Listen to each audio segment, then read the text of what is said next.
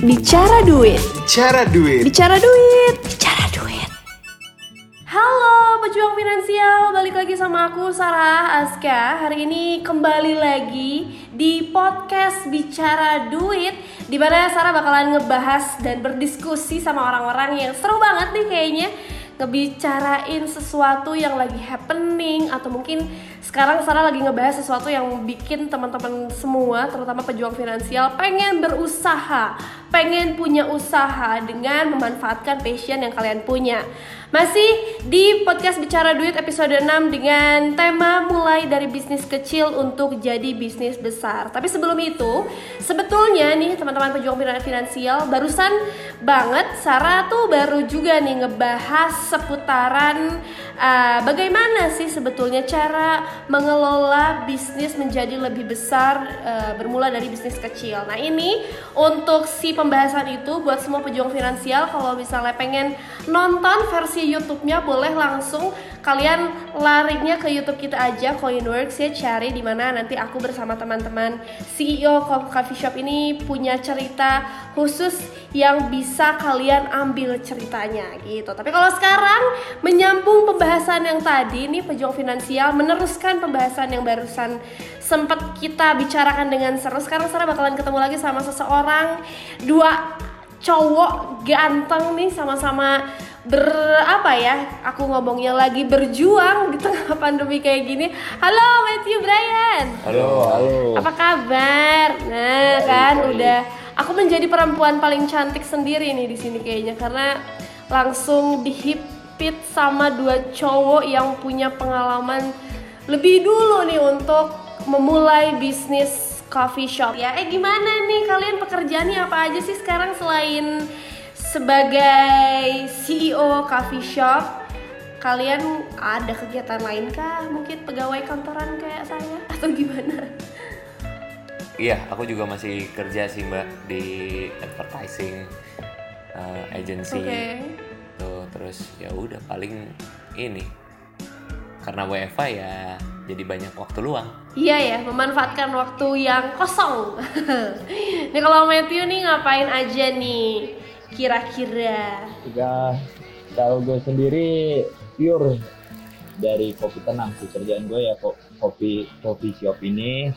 Tapi memang ada samping-sampingan lain. Itu pun juga ya kalau ada project-projectan aja lah diajak teman ya baru gue jalan. Kalau enggak ya fokus di kopi. Tapi sebelum ke hal yang pengen aku tanyain yang sebetulnya ini utamanya ya, aku pengen tanya dulu nih, menurut kalian, pendapat kalian masing-masing, sebetulnya seberapa pengaruh sih media sosial dalam membantu sebuah usaha? Hmm. Coba. Yeah. Dari Brian atau Matthew dulu boleh sih? Gue dulu nih. Iya. yeah. Kalau menurut gue boleh, boleh, boleh. penting banget sih buat sekarang gitu. Apalagi anak-anak sekarang kan orang-orang sekarang lah ya bukan anak-anak sorry itu concern hmm. banget itu udah kayak ya real life mereka gitu mereka taruh personanya mereka di sana terus mereka cari apa-apa juga di sana gitu kan kalau mungkin kalau dibilang nggak ada di sosial media berarti hoax. Kayak gitu. Hmm. jadi penting banget. Berarti memang penting banget ya. Kalau menurut Matthew gimana nih Matt? Kalau gue sendiri sih uh, juga penting sih. Sangat penting menurut gue karena ya dua karakter tipe yang sangat dulu dulunya lah itu namanya yeah. perfeksionis banget soal kayak gini tuh terlalu kayak apa sih medsos tuh apa sih? Tapi sejak masa corona corona ini mau nggak mau gue harus sangat belajar cara dan marketing pakai media sosial itu kayak gimana jadi menurut gue sangat dibutuhkan banget untuk era modern kayak sekarang. Oke, berarti kalau kalian bisa kasih presentase nih berapa nih pentingnya media sosial buat usaha kalian masing-masing? Kalau gue sendiri sih ya 80% itu sangat penting ya. 80%. Oke. Ya, setuju sih, kurang lebih kayak begitu apalagi lagi uh, corona kayak gini kan, lagi Covid. Semua ngelihat jendelanya udah jadi kayak sosial me sosial media tuh jadi jendela lah gitu. Oke, okay, oke okay, paham paham. Tapi kan mungkin sekarang kalau kalian kan masing-masing ini punya punya akhirnya punya kedai kopi, terus udah gitu juga buka coffee store gitulah ya. Ini kan Jakarta dia tiba-tiba PSBB lagi nih. Apakah kalian akan kembali mengencangkan di online atau kalian akan bersikukuh untuk ya sudahlah buka aja dulu coffee shopnya atau gimana sih planning kalian sebetulnya? Oh, dari kopi tenang dulu kali ya. gua nih, ya. kalau gua boleh. Gimana nah, nih PSBB sendiri, nih? Uh, memang udah menduga ya bakal ada PSBB lagi. Jadi gua udah uh, pola pikir gua udah dua minggu yang hmm. lalu lah udah mulai start gimana lagi ngidupin online gue gitu loh dan memang dari awal gue nggak mau mati online gue karena gue yakin bakal ada PSBB lagi jadi uh, pada saat ada keputusan kayak gini nih kayak hmm. sekarang gitu hitungannya uh, gue udah prepare memang udah prepare dan gue akan menjalankan sesuai dengan yang diminta oleh pemerintah gitu. Oke, inilah ya berusaha menuruti apa kata pemerintah tapi cuan tetap ya masuk ya pak ya iya betul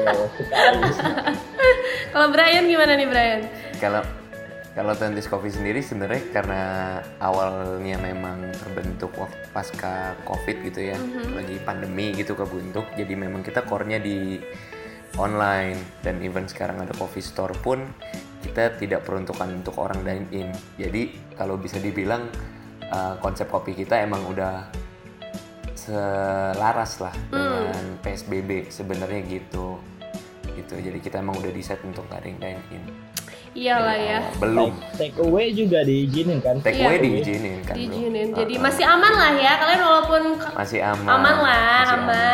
Masih tetap bisa dagang gitu ya. Tapi sebetulnya ini lucu nih. Ada mungkin di antara banyak sekali kesempatan yang bisa kalian lakuin gitu ya untuk membuka usaha. Kenapa sih akhirnya milihnya kopi? Maksudnya kan ada ada teh, ada boba, ada anything gitu. Tapi kenapa kalian akhirnya memilih ya udah deh kopi aja gitu? kayak yang udah dibahas di YouTube sebelumnya nih gitu ya karena kenapa kopi ya mungkin uh, kalau dari aku dan partner-partner aku juga emang dekat sama dunia kopi gitu. Kita punya background juga di F&B juga gitu walaupun sekarang kerjanya di advertising aku pribadi gitu ya. Terus uh, peminum kopi juga yang jelas kita suka banget kopi.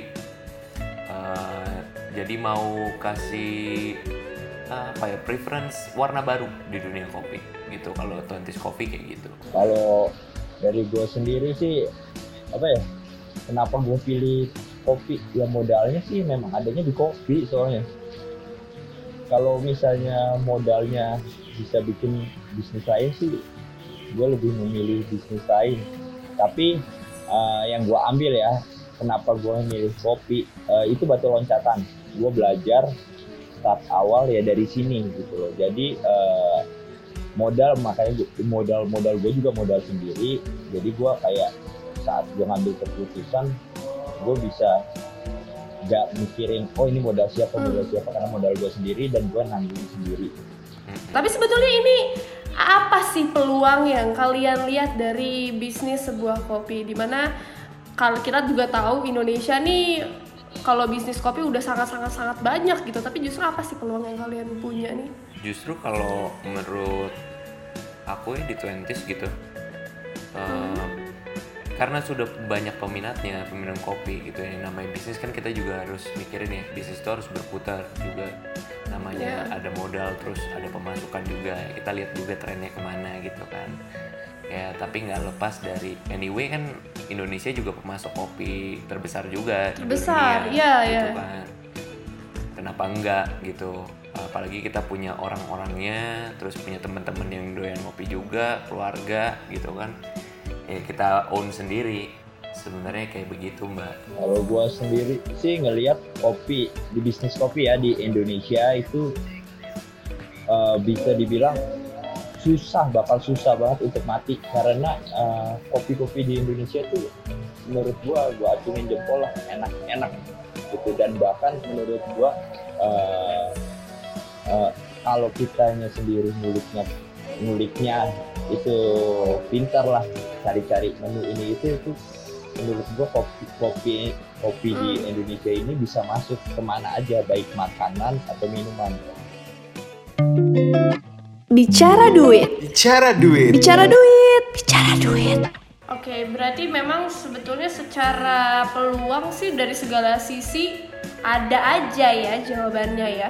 Tapi sebetulnya ini aku juga pengen tahu nih sebetulnya uh, hal apa yang harus kita lakukan sebagai seseorang yang pengen berbisnis apalagi pengen baru memulai gitu untuk pertama kali ini apa dulu yang perlu kita lakuin untuk memulai si bisnis ini oh gua sendiri sih saat gue start di kopi tenang eh gue uh, ngasih pengalaman gue aja ya saat gue start di kopi kopi tenang yeah, yeah. itu yang pasti gue harus punya konsep uh, yang mau gue bawa dari brand gue ini apa ciri khasnya tuh apa gitu loh. Apalagi kita bicara soal uh, minuman ya kopi gitu loh. Dia harus punya karakter di mana uh, banyak banget coffee shop yang udah jauh lebih start duluan dan sudah naik. Jadi kita nggak bisa cuma hanya ngandelin keahlian kita dalam cara menyeduh dan lain-lain sertifikasi dan lain-lain. Menurut gua kita harus punya ciri khas sendiri dari rasa itu baru uh, masuk ke uh, modal dan lain-lain sih kalau menurut gua gitu preparing gua. Bener. Setuju banget sih sama Pak Matthew Bro Matthew gitu ya kopi tenang.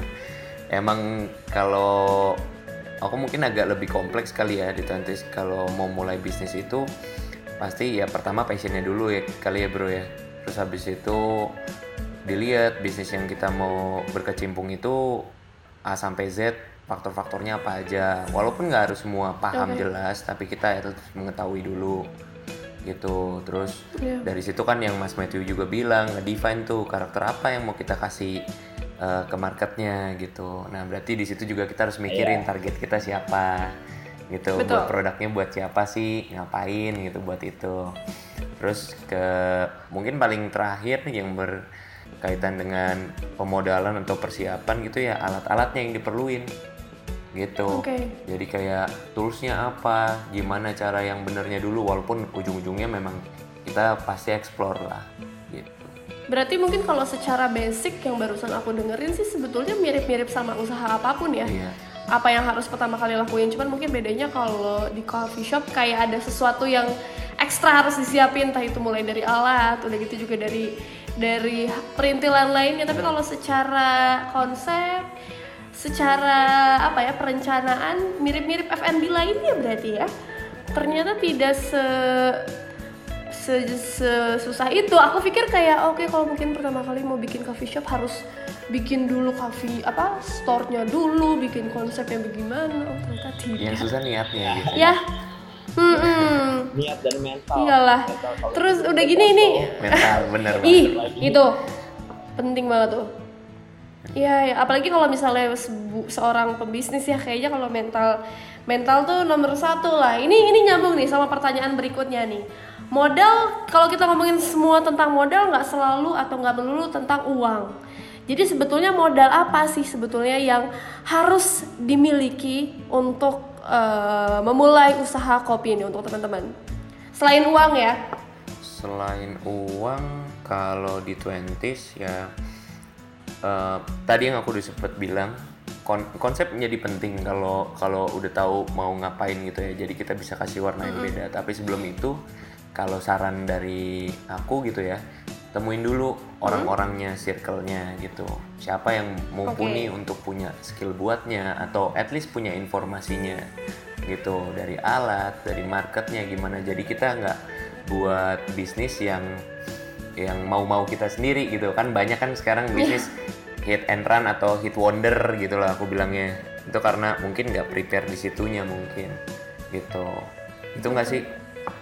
Om. kalau kalau gua sih uh, kalau untuk kayak coffee shop ya coffee shop dine in gitu gue juga harus lihat dari survei tempat sekitar di sini itu uh, kira-kira itu uh, hitungannya konsumennya itu kayak gimana itu jadi gue bisa memprepare juga pengeluaran dana kos gue untuk tools-toolsnya dan lain-lain gitu apa perlu kita hanya main di okay. manual apa perlu main di, dengan mesin itu kan tergantung dari pasar di sini juga sebetulnya berarti riset juga yeah. ya riset soal yeah. ininya lah ya lalu ini teman-teman kalian nih aduh aku sangat sangat sangat jadi tertarik untuk membuka bisnis karena ternyata banyak sekali informasi yang bisa aku lakukan dan itu hal yang cukup mudah menurut aku.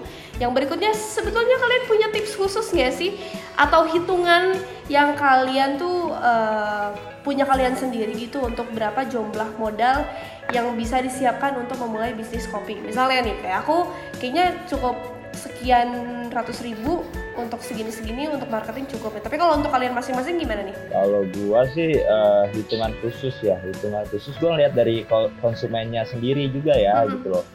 Jadi gue bisa mengeluarkan uh, menu-menu dari tempat yang gue pingin bikin itu uh, range-nya tuh berapa gitu kan. Hmm. Jadi gue tahu sendiri modal modal yang akan yeah. gue gunakan itu berapa dan lain-lain. Itu biasanya gue selalu ngelakuin pertama tahap awal itu pasti survei.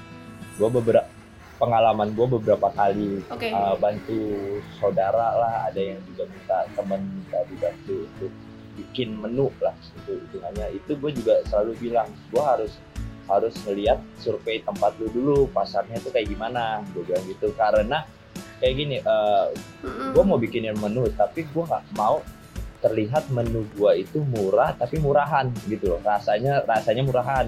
Gue walaupun okay. murah tapi rasa itu tetap harus berkualitas. Gue selalu camin kayak gitu. Jadi gue tahu oh ini budgetnya segini segini segini. Itu bener banget. Nah kalau dari tuan sendiri kurang lebih sama dari survei. Jadi kalau dari kita tuh punya pegangan kita lihat uh, potensial buyersnya siapa dan gimana kemampuan mereka gitu. Dari situ uh, balik ke hitungan mm -mm kita internal gitu. Berapa banyak yang kita mau produce? Itu berkaitan juga distribusinya gimana. Itu kan ke define juga ya mbak.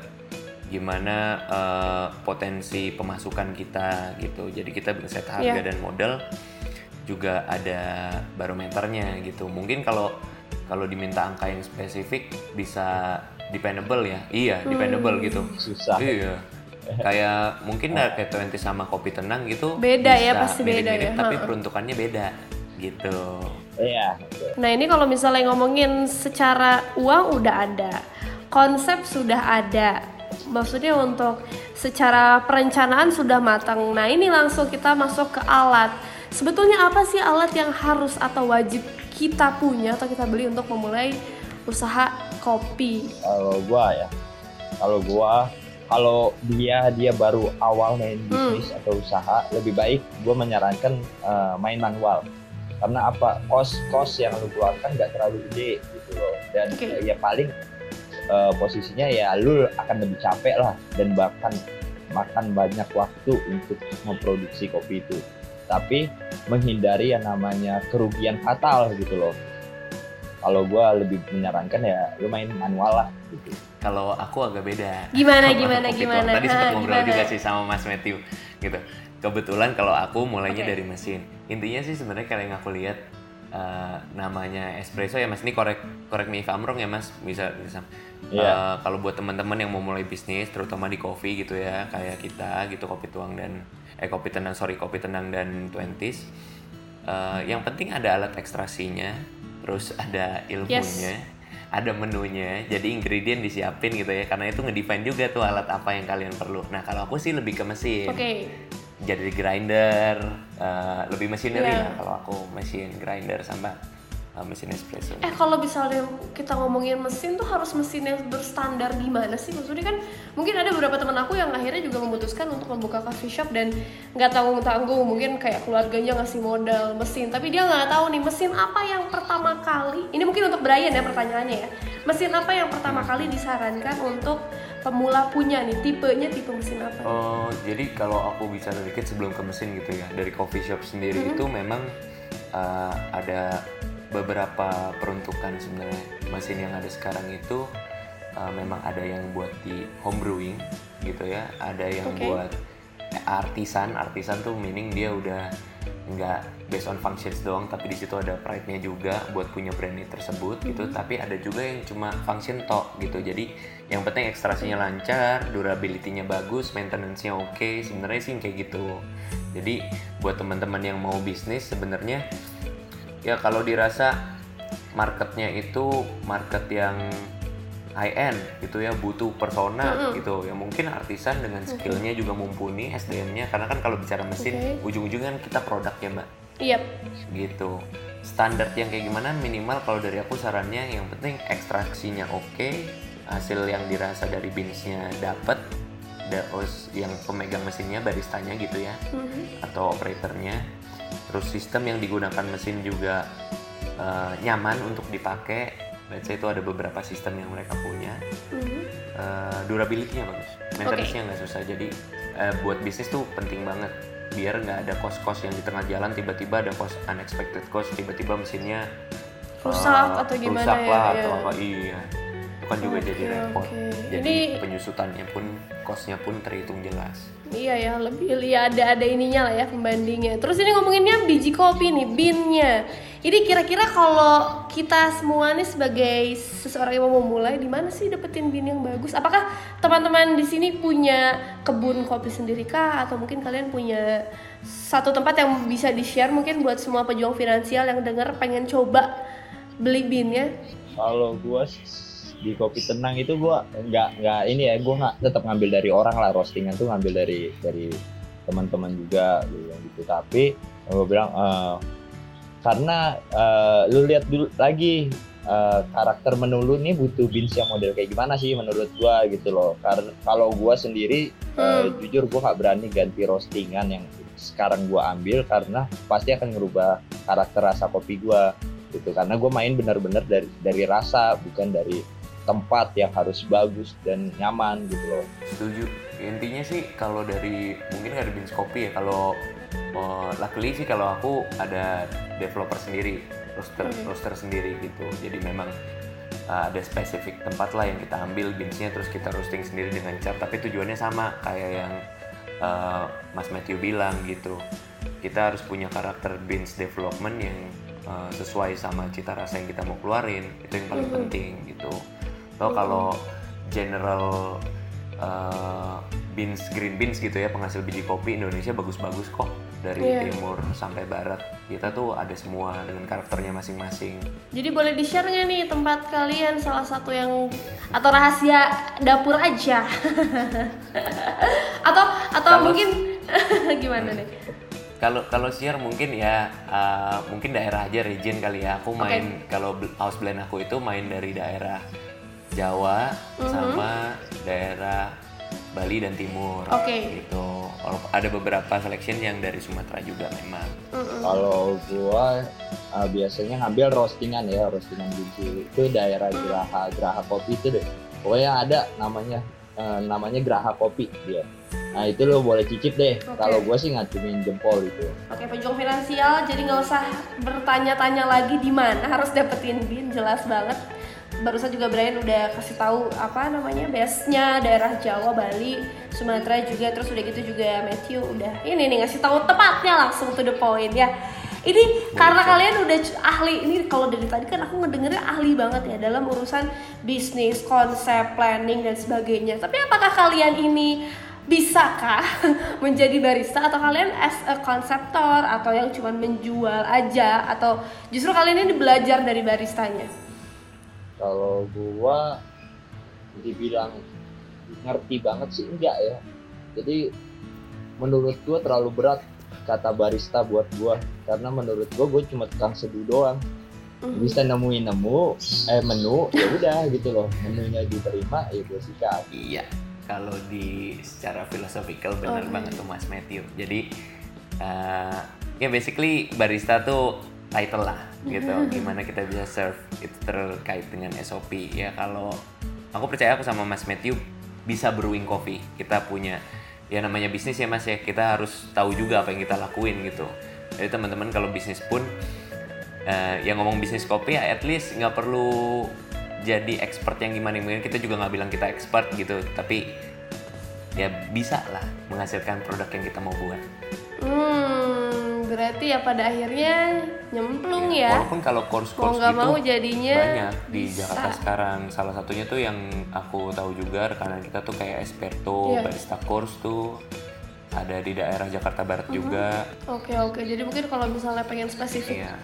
Jadi baristanya banget ya, mungkin yeah. bisa ya latihan mungkin lebih baik ya. Di samping mungkin YouTube juga membantu ya. Kalau aku sih Betul. tim YouTube ya, kayak YouTube juga sudah sangat sangat sangat bisa. belajar dari YouTube. Paling paling yang penting aku mau iya, coba. orang... salah minumnya ya coba lagi ulang lagi. Ulangin lagi. Iya tapi justru serunya tuh itu tahu kayak kita kita jadi punya tantangan tersendiri. Maksudnya justru kadang ya nggak tahu ya kalau misalnya aku tuh nyoba belajar dari YouTube tuh justru bakalan nemu racikan sendiri yang ih ternyata enak gitu yang kayaknya nggak akan pernah ada di kursus-kursus lainnya gitu ya. Terus udah gitu ini langsung kita mungkin pembahasannya lebih ke kondisi sekarang pandemic coming again ya. PSBB lagi Jakarta gitu ya. Kesulitan apa yang akhirnya kalian temukan lagi ya? Karena kita ini PSBB kedua nih berarti kan. Kesulitan terbesar apa nih yang kalian temukan di bisnis kopi? Kalau gua sih kesulitan kesulitan gua ya kita nggak bisa dine in satu sisi kan. Itu sangat sangat ini sih sangat uh, menurut gua salah satu yang bisa bikin pemasukan gua nurun juga. Karena nggak bisa dine in cuman uh, balik lagi uh, kalau kalau misalnya marketing lu di online itu bisa lu hidupin menurut gua akan bisa bersaing sih. Menurut gua nggak akan jadi sebuah masalah yang gede saat saat uh, PSBB lagi. Yeah. kurang lebih sama cuma kalau mungkin kalau aku pengertiannya challenge-nya berbeda lagi gitu. Kayak kalau PSBB berarti orang-orang kan uh, mau willing gitu untuk datang dan kita temuin. Kalau sekarang kan kita nggak bisa ketemu fisik, gimana uh, ya distribusiin produk kita atau pemasaran produk yeah. kita tuh jadi on the point gitu.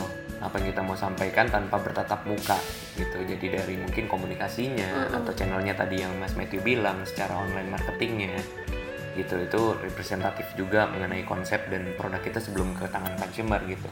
Wah, ini ini apa ya? Ibaratnya itu kayak sekolah ini tau gak sih buat pejuang finansial yang dengerin podcast kita kali ini, kita berasa lagi course secara gratis. ini udah langsung dapat lah. Karena gini, kalau bedanya mungkin course di tempat les ya mungkin secara uh, ini ya, maksudnya secara apa ya istilahnya tuh kayak dia ya udah manual karena dia tertulis aja tapi kalau misalnya dengerin podcast kita kali ini kita langsung praktek sama orang-orang yang sudah terjun dan melihat dunia aslinya seperti apa gitu ya. Jadi sangat-sangat-sangat e, bermanfaat banget informasinya juga mungkin untuk pejuang finansial yang barusan dari tadi udah kayak aduh ini ah, gue udah lengkap banget dapat infonya tapi mungkin terkendali lagi-lagi eh terkendala sorry lagi-lagi di soal modal. Jadi itu pas banget sama banyak pertanyaan ya Brian Matthew sama orang-orang tentang modal, modal dan modal. Berapa sih sebetulnya modal yang harus disiapin? Barusan juga Matthew sama Brian udah sampein. Udah gitu juga berapa modal maksimal dan minimal tentu ya. Seolah-olah kayaknya emang si modal ini jadi satu permasalahan yang sangat besar untuk para pembisnis yang mentok gitu usahanya karena nggak tahu modalnya di mana. Jadi ada satu nih yang pengen aku share juga sama semua teman-teman. Ini mungkin bisa untuk uh, Matthew atau Brian coba dan bisa juga untuk semua eh, pejuang finansial coba juga. Jadi buat kamu yang sekarang itu dengerin podcast bicara duit dan sudah punya usaha usaha kopi, usaha apa pun tentunya. Udah gitu pengen bikin usahanya menjadi lebih besar seperti Matthew dan Brian punya kedai kopi atau misalnya pengen usahanya diperluas gitu ya.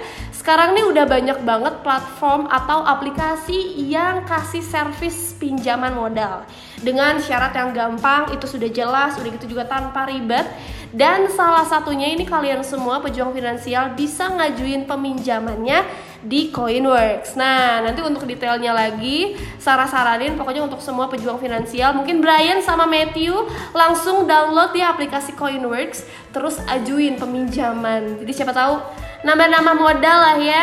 Daripada modalnya aduh mentok nyarinya gimana nih? Pinjem aja dulu ke Coinworks. Gampang caranya ya. Gitu gitu ya. Dan mungkin ini terakhir pertanyaan yang uh, jadi apa ya penutup untuk podcast kali ini. Apa aja nih hal lagi-lagi yang harus disiapkan untuk para pemula membuka usahanya menjadi lebih besar means menjadi coffee shop dari kopi online nih. Kan tadi kita udah sempat disampaikan juga ya. Cuman perintilannya apa aja nih? Mungkin mulai dari cari tempat yang strategis kah? Atau misalnya apa nih? Kalau gua sih lebih menyarankan uh, ke lu lu cari tempat itu lu survei dulu. Mau di mana pun itu lu harus survei dulu. Karena itu itu patokan lu untuk nentuin menu sih nentuin menu. Jadi uh, hitungannya saat konsumen datang dia nggak merasa aduh harganya kemahalan dan lain-lain gitu lah. Jadi lu bisa menyesuaikan konsumen konsumen itu uh, kayak gimana? Baru lu lu hitungannya cari perintilan perintilannya sesuai dengan si menu itu. Jadinya uh, jangan sampai ada uh, beberapa beberapa pengeluaran lu yang menurut gua uh, sia-sia kayak ya gue gue gue belajar sendiri di gue sendiri gitu loh yang awalnya. Gue punya mesin tapi akhirnya nggak gue pakai karena uh, menurut gue di tempat gue nggak butuh nggak butuh mesin konsumennya gitu loh. Jadi akhirnya hmm, gue gue menyimpan aja lah mesin kopi gue hanya gue hmm. simpan dan sekarang gue semuanya main manual gitu. Karena konsumen di sini rata-rata nyari juga ya ini apa okay. manual-manual entah kopi susu aren dan lain-lain. Kalau dari aku mungkin buat teman-teman yang mau mulai okay. bisnis pertama bisnis apa dulu gitu ya. Nggak harus kopi kayak kita sebenarnya iya. gitu ya. Apa pun terus, ya. iya dong. Terus konsepnya dulu habis itu marketnya siapa yang kita di Mas Matthew bilang jadi kita tahu benar kebutuhannya. Apa yang bisa kita provide peluangnya apa gitu kemudian alat-alat apa aja yang mensupport bisnis kita yang perlu? Kalau bisa jangan keburu-buru ditimang-timang dulu lihat review dulu kelebihan plus minusnya apa gitu. Nah berbanding sama pengeluaran yang harus dikasih. Mungkin yang tadi Mbak Sarah udah bilang jadi efektif walaupun kita membutuhkan bantuan gitu ya atau bisa bekerja sama dari link-link ya. Bentukan apps, uh, financial tech atau mungkin uh, malah teman sendiri gitu. Jadi itu semua penghitungan bisnisnya jelas. Yang namanya bisnis nggak bisa keluar dari perhitungan gitu. Ini lengkap aku bilang pulang dari sini bawa sertifikat sendiri dari pembahasan podcast bicara duit bareng Meti sama Brian karena ini ilmunya udah dapat banget nih dari awal kita di YouTube ngebahas sampai ke detail banget di podcast sudah sangat lengkap. Tapi mungkin untuk pejuang finansial kalau misalnya memang masih ada pertanyaan yang pengen ditanyain lagi gitu ya udah gitu juga kayaknya ada hal-hal yang masih penasaran kalian boleh langsung mungkin tanya sama Brian sama Matthew-nya langsung untuk mungkin kalau bisa kalau PSBB-nya selesai ya main ke coffee shopnya masing-masing nih ke mereka ya kedai kopinya atau mungkin sosial media kalian di mana sih? Instagram atau apa Twitter? Boleh disebutin nggak sih satu-satu? Instagram itu kopi tenang cuman pantengin tuh IG. uh -huh. launching gua gua okay. mau bikin brand baru lagi Mantap. itu untuk burger ya siap ya, kira-kira bulan-bulan ini lah mantap ada Asik ya. PSBB gak masalah. gak ada masalah. Kalau Brian di mana nih Instagramnya? Kalau kalau aku di twenties.coffee, at twenties.coffee, uh, itu juga Instagramnya uh, udah beberapa review lah masih botolan. Cuma okay. untuk store udah ngerambah ke Grab juga sebenarnya. Okay. Masih daerah Puri aja yang mudah-mudahan nanti ke tempat teman-teman yang jauh di sana lah kita. Amin, amin. Sekali lagi buat teman-teman barusan aku udah bilang kalau pertanyaannya masih belum terjawab semua, kalian boleh langsung DM satu-satu tuh Instagramnya barusan udah disebutin, atau nanti kalian langsung aja lari ke YouTube-nya kita tentu nanti aku akan cantumin si YouTube uh, ininya apa Instagramnya mereka masing-masing untuk tanya lebih jauh seputaran usaha atau mungkin kalian pengen belajar sama mereka gitu kali ya. Cukup sekali seru ada yang ingin disampaikan mungkin dari Matthew sama Brian terakhir di pembicaraan podcast bicara duit kita kali ini nggak ada sih paling good luck aja buat yang mau mulai bisnis jangan patah semangat ingat uh-huh. guna bisnisnya jangan cuma buat bagi rezeki kalau bisa betul kalau buat bareng-bareng itu sih yeah. exactly yeah. Gitu. Insya Allah rezekinya uh, jadi lebih lancar ya yeah. kalau kayak gitu yeah. ya Amin. Kalau gitu teman-teman sekali lagi terima kasih Matthew Brian untuk waktunya. Terima kasih ilmunya ini pasti akan bermanfaat banget untuk semua pejuang finansial yang akan memulai berbisnis. Tentunya nanti kita bakalan ketemu kali ya. Aku main ke salah nanti satu-satu coffee shop kalian aku datengin sama Boleh. ini loh merchandise-nya dari kopi uh, 20s boleh tolong dipisahin itu bajunya lucu mohon maaf. Ya iya, jadi ya. Itu relate itu relate sama konsep bukan oke okay, baiklah kalau gitu berarti pembahasannya berikutnya lagi ya. Dan iya. yang pasti terakhir nih untuk pejuang finansial jangan lupa untuk download aplikasi Coinworks tentunya untuk tahu lebih jauh sebetulnya ada instrumen apa yang bisa kalian gunakan. Dan jangan lupa yang terakhir untuk follow our social media kita di @coinworks and still listening bicara duit di episode lainnya. Kalau gitu Sarah Askanya pamit. Udah gitu juga Matthew dan Briannya pamit. Yang pastinya masih tentu di Coinworks. Bye bye bicara duit. Bicara duit. Bicara duit. Bicara